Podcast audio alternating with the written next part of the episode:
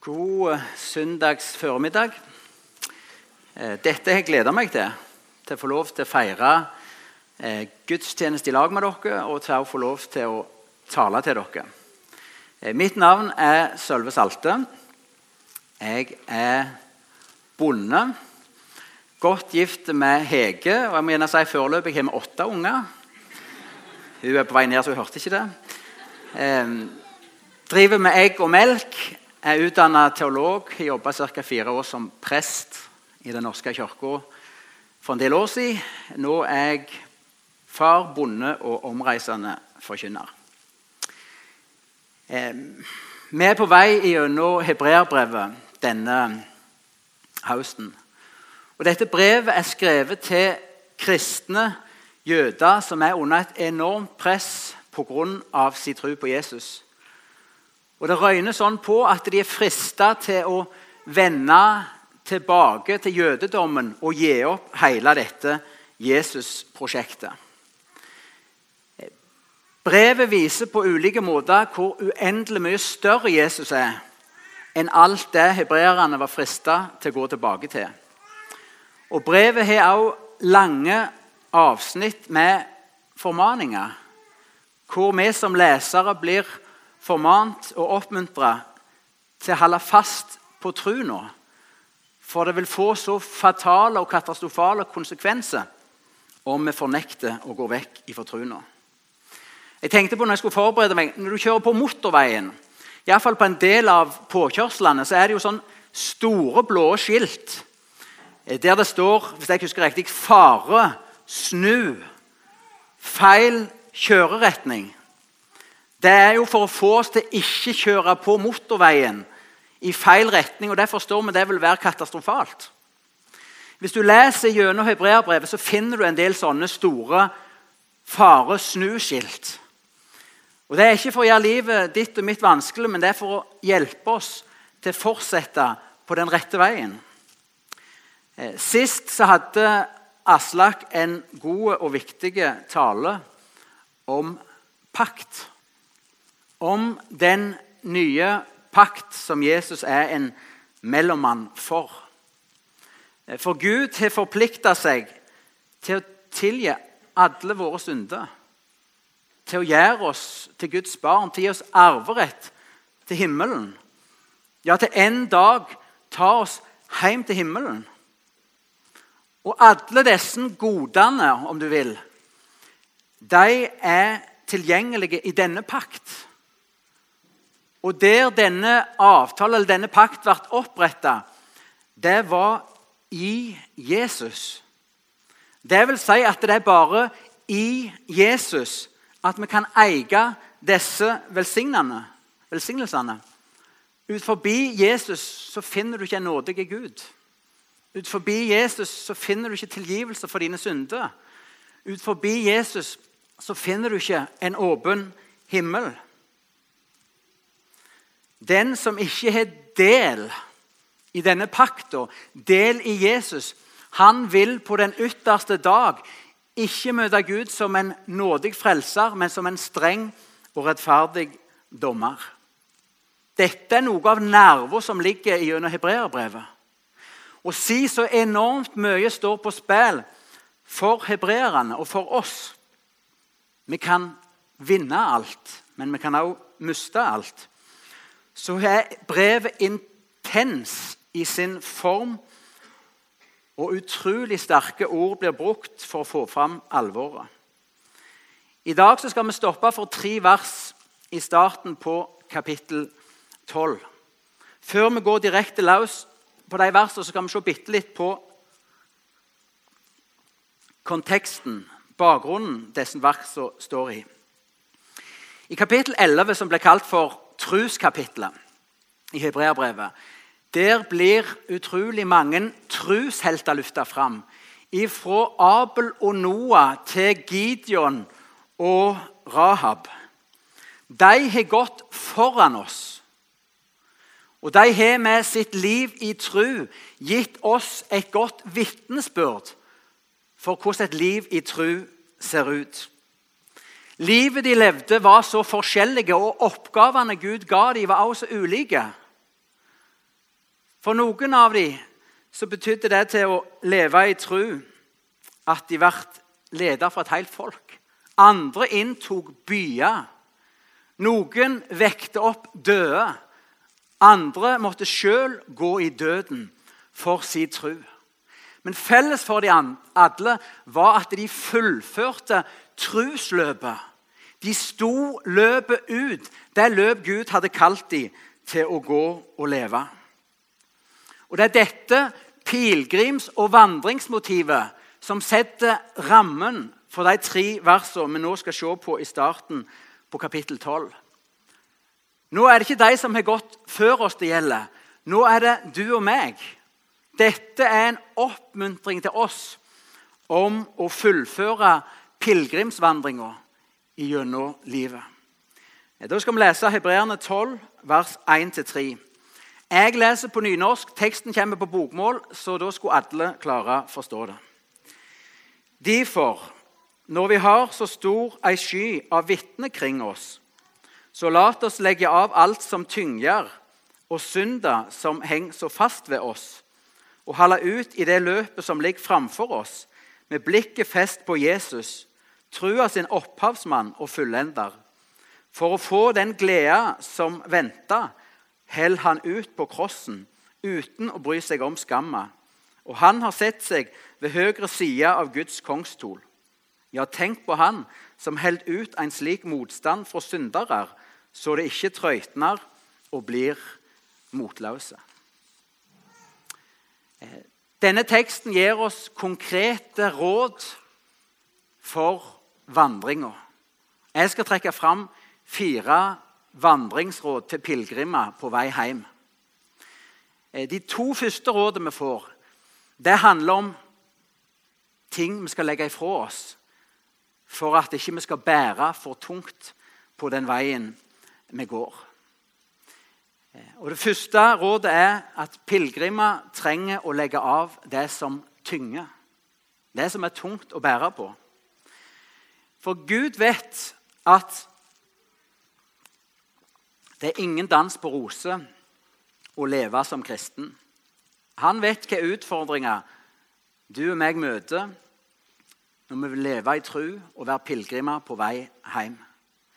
Det er ikke sånn at verden legger ut en rød løper for pilegrimer på vandring. Vandringsveien er full av farer og fristelser. Det er veldig mange forskjellige ting som prøver å lokke en pilegrim vekk ifra veien, ifra vandringsveien. Og mang en pilegrim har slått inn på en sidevei for aldri å vende tilbake til vandringsruta. Mange pilegrimer slutta å gå. Det som skulle være et liv i vandring, det ble omgjort til en rasteplass. En campa på sida av veien, slo seg til ro, slutta å gå. Å legge av seg det som tynger, det handler om å ikke bære tunge ting med seg. For det er en lang vei vi skal gå. Og Jeg tror alle kan kjenne seg igjen i det jeg nå skal beskrive. Du har enten selv vært den personen eller sett den personen på en flyplass. Overlest og nedlest i bagasje. En stor ryggsekk på ryggen en diger rullekoffert i hver hånd og en liten rullekoffert på tvers på den ene rullekofferten.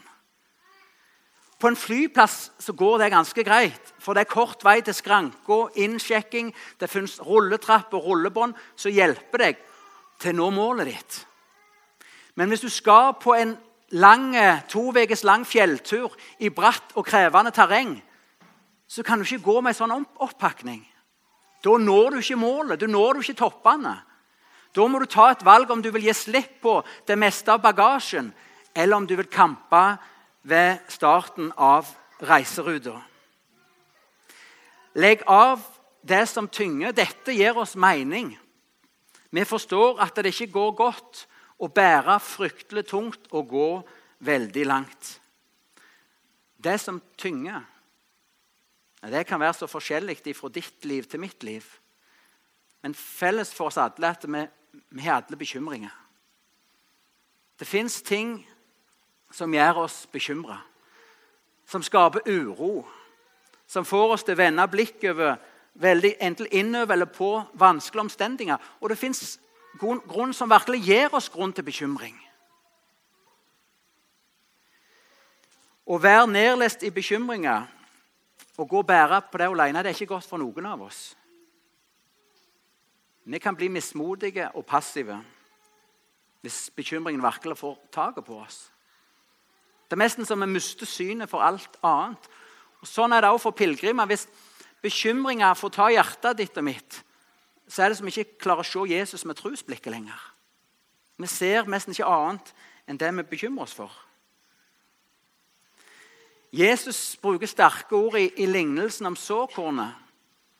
Der sier han at bekymringer, hvis det får eie ditt og mitt hjerte, ja, så kan det kvele det nye liv og verk som Gud med sitt ord vil skape i oss og gjennom oss. Hva blir så løsninga for pilegrimer på vei hjem?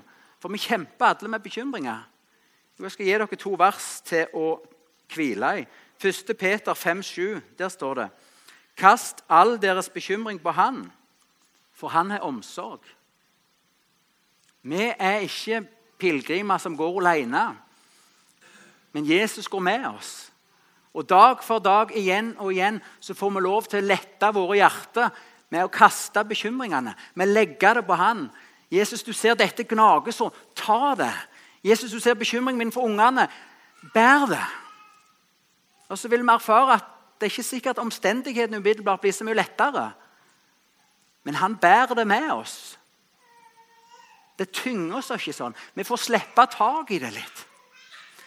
Og det står, Jesus sier også i Matteus 11, 28, Kom til meg, alle dere som strever og bærer tunge byrder. Jeg vil gi dere hvile. Det er en stående invitasjon for pilegrimer på vei hjem. Kom, kom til meg. Kom igjen og igjen. Legg av det som tynger. Jeg vil gi deg hvile. Så pilegrimer på vei hjem, vi må lære kunsten å kaste bekymringene på Jesus igjen og igjen. Vi må lære å ikke sette vår lit og tillit til omstendighetene og våre egne evner til å løse dem, men til Guds allmakt og omsorg. Til at Han er mektig og fører oss hele veien. Det var det første vi skulle få lov Det er jo egentlig et privilegium. Vi skal få lov å legge dette av. Fordi Jesus er nær, og han er i stand til å bære. Det neste vi skal få lov som pilegrimer til å legge av, det er synd. Synd som så lett fanger oss inn. Synd som blir som lenke, som gjør det vanskelig å gå. Synd som blir som et mørke, som gjør det vanskelig å se. Nå skal vi se et lite filmklipp. Vi kjører film.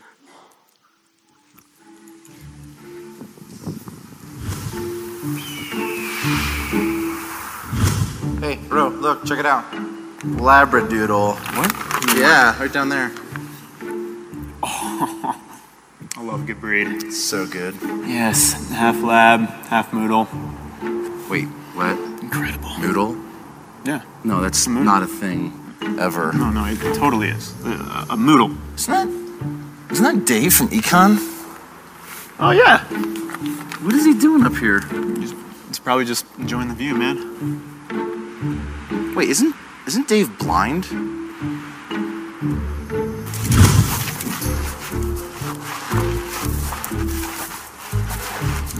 We gotta warn him.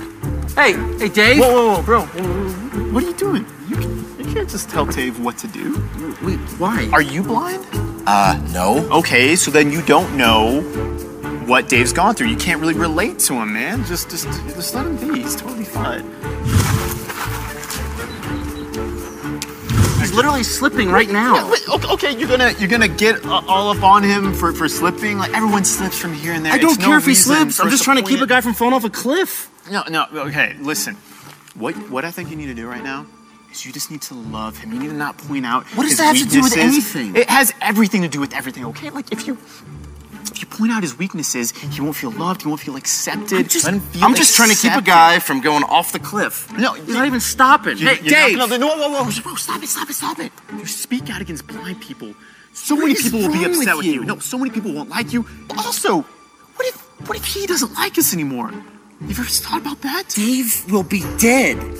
I need to say, hey, No, no, Dave, no, no, no. Dave. No, Someone, is someone there? Uh, yeah. Hey, Dave. How's it going? It's uh, it's Charlie from school. Oh, hey, man. Doing this for, doing this for Dave's Uh, maybe you can help me out. I seem to have lost the trail somewhere. You, you want to tell me if I'm going the right way? Maybe he is lost. You're right. We, we should still just encourage him. Yeah, yeah. Hey, no, Dave. You know you're doing great, man. Uh, uh, you know I love that you're out here, man. Too. I- I'm proud of you being out on this trail. You- You're, you're doing great, man. You're, you're doing great. Oh. Okay, thanks, man. Guess I am going the right way. Watch, he'll figure it out. You just gotta love him through his problems. Yeah, you got it, man. Dave, what are you doing? What? Dave? Dave?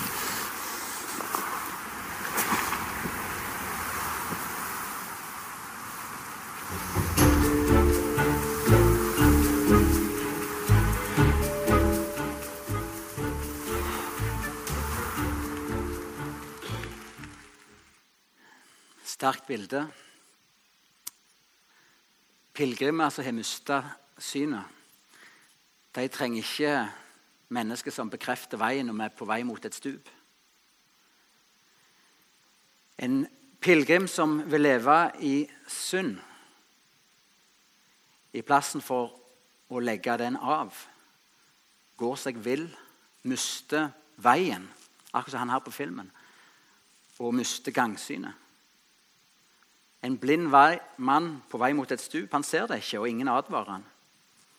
For en pilegrim på vei hjem så er synd, brudd på Guds vilje, til å la det få lov til å ligge og leve i livet, det er en farlig ting.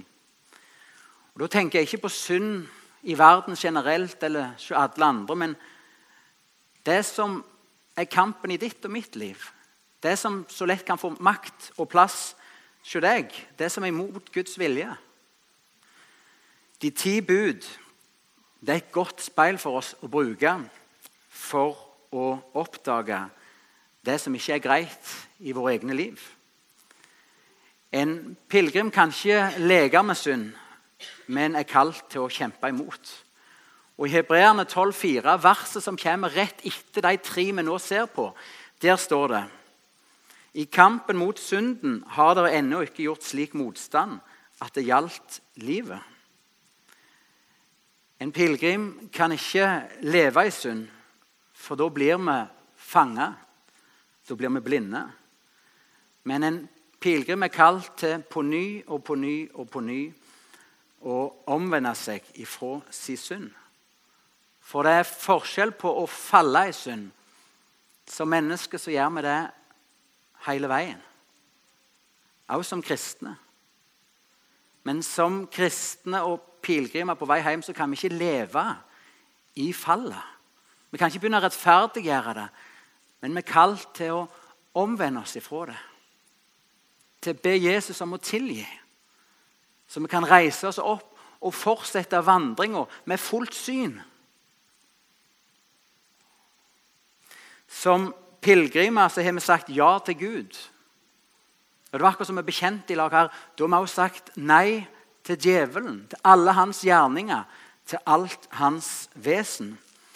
Edin Løvaas, kanskje ukjent for mange av dere, men en god kristen mann, eh, nå død, hvis jeg ikke tar feil, han har skrevet en bok med tittelen 'Omvend deg i glede'. Og det er sant for en pilegrim. Omvendelse det er ikke noe som gjør livet surt og vanskelig, men det er veien til glede for oss som er på vei hjem. For det gjør oss fri fra alt det som vil ta gleden ifra oss. Jeg er redd for at mange lever i den misforståelse eller den villfarelse at det går an å leve i tru uten å vende om ifra sine synder. Gud er så mild og gild og overbærende at det er greit for han at vi lever og elsker vår synd, så lenge vi også elsker han og tror på han. Dette finner vi ikke i Bibelen. Jesus, apostlene, døperen Johannes forkynte 'venn om og tru evangeliet'. Tru på Guds godhet i pakta med Jesus henger sammen med et oppbrudd fra det gamle livet. At vi snur 180 grader rundt. At vi bryter med det som står Guds vilje imot. Den som tror på Jesus, han vender om ifra sine synder. Og den som ikke vil vende om ifra sin synd, han viser bare at han er på vei vekk ifra sin tro. Ordspråket 28, 13, der står det Den som skjuler sine synder, går det ikke vel. Den som bekjenner sine synder og vender seg fra dem, han finner barmhjertighet. Og 2. Timoteus 2,19.: Hver den som bekjenner Herrens navn, må vende seg fra urett. Jeg vet ikke hvor kampen står i ditt liv. Jeg vet litt om denne kampen i mitt eget liv. Men ingen pilegrimer slipper unna å stå i denne kampen. For noen av oss er det gjerne kjærlighet til penger. For andre av oss ureine begjær, pornoavhengighet, bitterhet, utroskap, ukontrollert sinne, havesjuke, forakt for dine foreldre, en tendens til å baksnakke andre, en vane med å lyge. You name it, we got it. Du vet litt om hvor kampen står i ditt liv. La oss som pilegrimer på vei hjem legge av oss vår synd. Og Det er også et privilegium. Få lov til å gi den til Jesus. Bekjenne henne. Bli fri for den lenka som ville binde føttene. Få vekk det som var i ferd med å gjøre det mørkt for øynene. Sånn at vi kan fortsette å se på Jesus, feste blikket på han og være på vei hjem. Og Jeg håper at vi også i fokus kan være et fellesskap som i kjærlighet og omtenksomhet og varhet kan hjelpe hverandre til omvendelse. At når vi ser en bror eller en søster som er på vei mot klippa, så legger vi ikke begge armene i kross, men at vi strekker ut for å hjelpe hverandre. For pilegrimer trenger hjelp. For det tredje Det tredje rådet som denne teksten gir oss, for pilegrimer på vei hjem, det er at pilegrimer trenger å feste blikket på Jesus. For å fullføre det trusløp som Gud kaller deg og meg til å gå, så trenger vi å ha et hovedfokus i livet. Et hovedfokus for vandringa, og det er Jesus Kristus. Det er livsfarlig å løsrive kristenlivet ifra Jesus. Det er det å være en kristen hvis det blir noe annet enn det til å leve med Jesus. Når Jesus kalte sine etterfølgere disipler, så ga han ikke ei bok og sa 'lev etter denne', og så snakkes vi om 30 år eller når du dør. Nei, følg meg. Frelse og etterfølgelse henger sammen. Vi er ikke kalt å gå veien hjem alene. Det er ikke sånn å bli frelst det er å få en ryggsekk med nåde, så hvis du bruker den forsiktig og prosjonerer den ut, så kan den rekke veien hjem. Nei, du har fått en frelser som går veien med deg. Og disse to første tingene, Når vi legger av det som tynger bekymringer og synd, så er det jo nettopp for at ikke blikket vårt skal bli bøtt ned, men for at vi skal kunne se på Jesus, som går med oss. Det fins mange grøfter vi kan eh, gå i som kristne. Som får en pilegrim til å skeine ut til høyre eller venstre. Jeg har ei grøft som, kalles, som jeg kaller for uff, uff, uff-grøfta. Det er Gud velsigne deg. Takk. Det er hvis kristenlivet, grunntonen og den eneste tonen blir uff og ved Uff, uff, uff, jeg arme, elendige menneske. Uff, uff, uff, jeg kan ingenting. Uff, uff, uff. Uff, uff, uff. Det fører til, Hvis du tar det på engelsk, så er uff, uff er off, off. Da skrur vi av. For det Gud vil og kan gjøre gjennom ditt liv. For det er sant at det er mye vi kan ofre over, men vi er kalt å vende blikket vekk fra dette og feste det på Jesus. Den motsatte grøfta fra den uff-uff, det er den der jeg-jeg-jeg-grøfta. Der vi er så fantastiske og rikt utrusta og begava at Gud er heldige som har oss på lag. Og det er egentlig vi som driver og gjør hele det kristne arbeidet. Og så sier Bibelen at Gud står de stolte imot. Så hvis vi blåser oss opp og havner i jeg-jeg-grøfta, det blir jo også til av. Vi stenger for den kraft og det verk Gud vil gjøre gjennom oss. Pilegrimsveien den er ikke til å ligge i ei av disse grøftene, men det er det festa blikket på Jesus. Å få lov til å oppdage mer og mer hvem vi er i Han. Hvem Han har skapt oss til å være, og hva Han vil gjøre gjennom våre liv mens vi går veien hjem. Jeg er sjøl sikkert vært i begge disse grøftene. Ikke sikker. Jeg har vært der.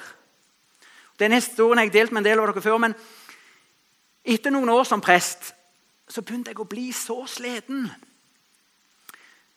For jeg skulle jo bygge menighet, jeg skulle få til kirkevekst. Jeg var nesten som et, en edderkopp som skulle eh, spinne dette gudsrikegarnet som fangte mennesker inn. og Jeg skulle få dem til å trives og bruke nådegavene deres og sette dem i fyr. Og det var så utrolig mye jeg, jeg, jeg, jeg, jeg skulle få til. Og det var slitsomt. Det var, nesten som, det var jeg som gjorde at Guds rike skulle vokse. Jeg som skulle få mennesker frelst. Jeg som skulle forløse nådegave i det. Det er bare Gud som kan alt det. Så jeg begynte å bli sliten. Og så gikk jeg igjen over i motsatt, og jeg begynte å bli mismodig. Jeg kan ingenting. Og så husker jeg det. Jeg var på et stort stevne der gjerne hundrevis eller tusenvis sto og lovsang og var der oppe, men jeg var der nede. Men da møtte Gud meg. Om det var akkurat under lovsangen eller om det var litt senere, men jeg fikk et indre bilde. Der jeg fikk se Jesus som en mektig konge som gikk fram. Jeg så, som jeg så bare ryggen på han. Og Der han gikk fram, så knustes fjell. Det ble rydda, det ble ei slette. Og Så så jeg meg sjøl i det bildet som en liten gutt med hodet i hånda. Så gikk jeg bak Jesus, og så strødde jeg ut noen såkorn. Halleluja! Det vært for meg evangeliet om tjenesten, om vandring, om det kristne livet. Jesus er den store som går foran. Vi får festa blikket på han. Så får vi som små gutter og jenter gå bak den veien som han har rydda.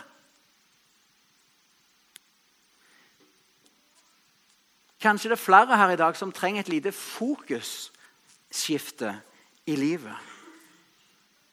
At du ikke skal stoppe med det som er galt i livet ditt, eller bekymringene, men at du skal få nåde og hjelp til å legge dem av og så på ny feste dem på Han. For vet du hva? Det er Jesus som er troens opphavsmann og fullender, som denne teksten sier. Det er han som har skapt tro i deg. Du tror fordi han har vist hvem han er, og skapt tillit i ditt hjerte og gitt deg tro i gave. Og han som begynte en god gjerning i deg, hva er hans ønske? Jo, å fullføre henne.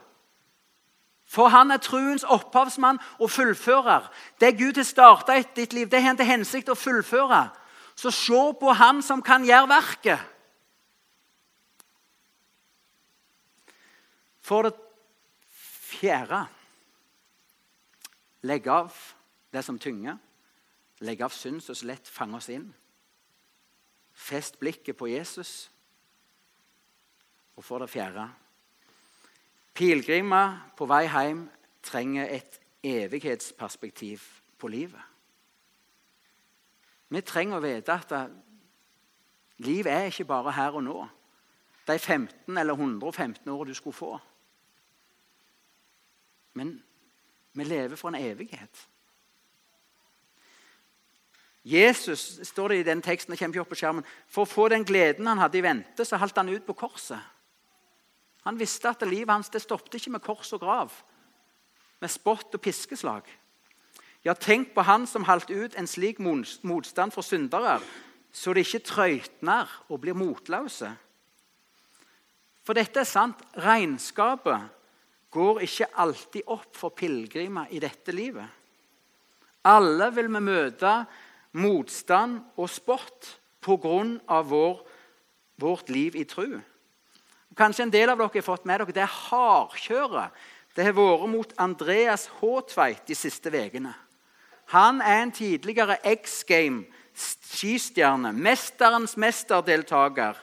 En gladgutt som har vært godt likt tilsynelatende av hele det norske folk, og også en tydelig kristen. Han var godt likt av de store mediene helt til han for ca. to uker siden løfta fram og vågte å stå offentlig for det Bibelen sier om samliv og ekteskap. Han er engasjert i KRIK, som nå ønsker en liberalisering på dette området. Dette talte Andreas imot. Verden rundt oss kan leve godt med positive kristne som har ei levende tru. Og du kan få lov å tro at Jesus er Guds sønn, og at han er født av ei jomfru osv.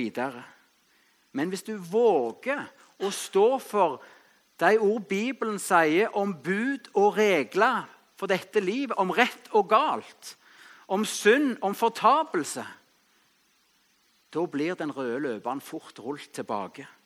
Da skifter stemninga på et øyeblikk. Applausen dør ut. Det kan føre mange ulemper og lidelser med seg å være en kristen, å være en pilegrim. Du får noe som du ikke hadde fått med mindre du var en kristen. Og var vårt håp bare til dette livet, så var vår tro og vandring meningsløs. Men vi er på vei mot noe større. Vi er på vei mot en evig glede. Vi er på vei mot en fest i himmelen. Vi er pilegrimer som synger takkesanger fram mot den dagen hvor vi skal stå ansikt til ansikt med Jesus. Og om mennesket her på jord skulle dømme oss nord og ned for vårt liv i forsagelse og tru, så vet vi som pilegrimer at vi er på vei mot den evige dom. Og Der er det nettopp vår tru på Jesus som gjør at vi blir stående. Så Derfor trenger pilegrimer på heimvei å være standhaftige og stå fast og fullføre sitt løp og ikke trekke seg tilbake. Hovedmålet for oss det er ikke alt vi kan oppnå i dette, liv. Men vi lever for en evighet. Dette må vi aldri miste av syne, for da slutter pilegrimer å gå. Hvis vi ikke lenger har det klare målet vi er på vei mot. Tenk på Jesus, alt det han måtte gå gjennom av lidelse, av spott, av skam, da han hang halvnaken på et kors. Men hva gjorde Jesus? Jo, Jesus væpna seg med tanke på den glede han hadde i vente. Tenk på Det Det gjorde Jesus på korset. Det gjorde Jesus under piskeslagene. Det gjorde Jesus i skammen. Han væpna seg med tanken på den gleden han hadde i vente. For han visste at kors og død fikk ikke siste ordet. Etterpå venta det en oppstandelse, en himmelfart, en evighet i herlighet. Og Vår tekst sier at han har sett seg ved kongsstolen i himmelen. Tenk for et opprykk! Fra kors til kongestol. Og vi trenger på samme måte å væpne oss med tanke på det Jesus gikk gjennom. Sånn at vi ikke mister motet og blir motløse når du og meg også møter trengsel. Motgang for vår tros skyld. For som Jesus så har vi en evighet i herlighet i vente. Spotten får ikke siste ordet. Det er Gud som får det siste ordet i en pilegrims liv.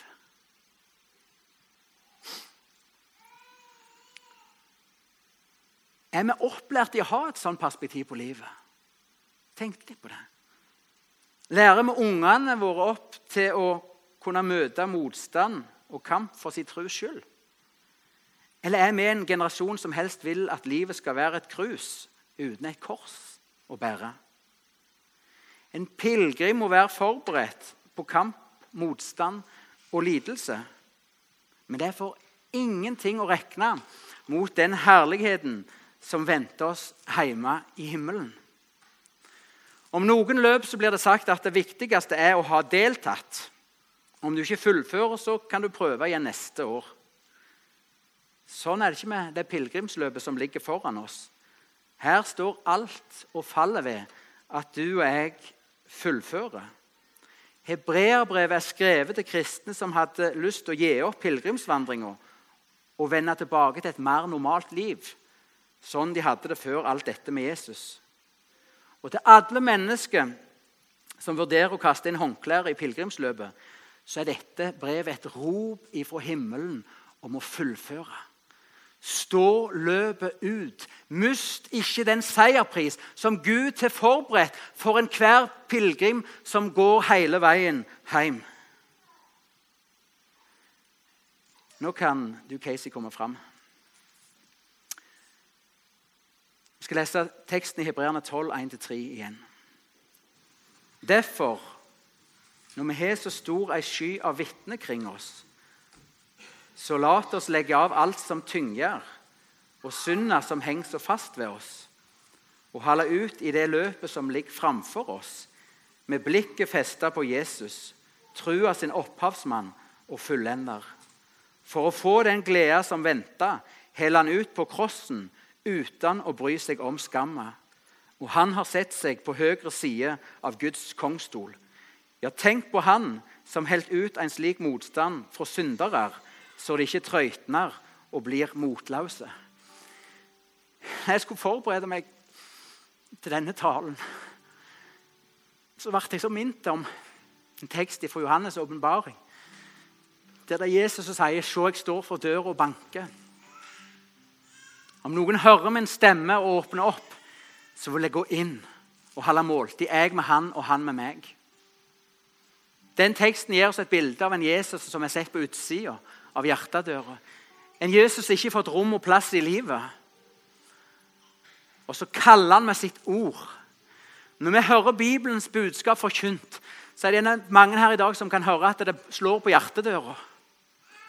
Det er Jesus som kaller om han kan få komme inn. Om han kan få rom i ditt liv. Om han kan få komme inn for første gang. Om du vil overgi det som tynger i ditt liv, til han. Om du vil legge synda ned for han. Så han kan hjelpe deg til på ny få nåde til å feste blikket på han. Kanskje noen her i dag skal få lov å starte på pilegrimsveien for første gang. For dette er en god dag til å ta sine første skritt og til å gi sitt liv til Jesus. Kanskje noen her i dag skal få lagt ned sin synd. Kanskje noen her i dag er på vei mot et åndelig stup. Dette er en god dag for å bekjenne sin synd til Jesus og vende om. Kanskje noen her i dag har et hjerte som er fullt av uro og motløshet. I dag er en god dag til å kaste alle dine bekymringer på Jesus, for han har omsorg for deg. Og Kanskje mange her i dag kanskje mange av oss, vi har glemt at vi er pilegrimer på vei hjem. Kanskje livet mer har blitt en rasteplass, en campingplass, enn en pilegrimsvandring. For mange av oss er dette en god dag til å gjengripe vandringsstaven. Til å reise oss, til å legge av det som har tynget oss ned og bundet oss fast, og feste blikket på ny på Jesus Kristus. For han, og bare han, er troens opphavsmann og fullender. La oss reise oss og be. Ja, Herre Jesus Kristus, vi ønsker å gi deg takk og ære. Takk for at du, Jesus, ikke trakk deg tilbake når du møtte motstand, når du ble spotta, når du ble piska, når du ble korsfesta. Men du så fram, du så lenger. Du så fram til den glede som venta, til den evighet og den herlighet som venta bak kors og grav. Og Jesus, Nå ber jeg om nåde til hver og en her i dag. Til å løfte blikket vekk ifra vårt eget liv, det som tynger, det som fanger oss inn. Jesus, hjelp til å legge det over på deg og på ny få festa blikket på deg. Sånn at vi, som de vitnene som går før oss, kan fullføre våre liv i tru. At vi kan fullføre den vandringa som du har sett oss på. Hellige Ånd, nå ber jeg deg om at du skal stadfeste det budskapet vi har hørt. La det få bli til liv og hjelp, og la oss gjennom troen bli ett med det ord som er forkynt. I Jesu navn. Amen. Vi kan bare bli stående under første sang.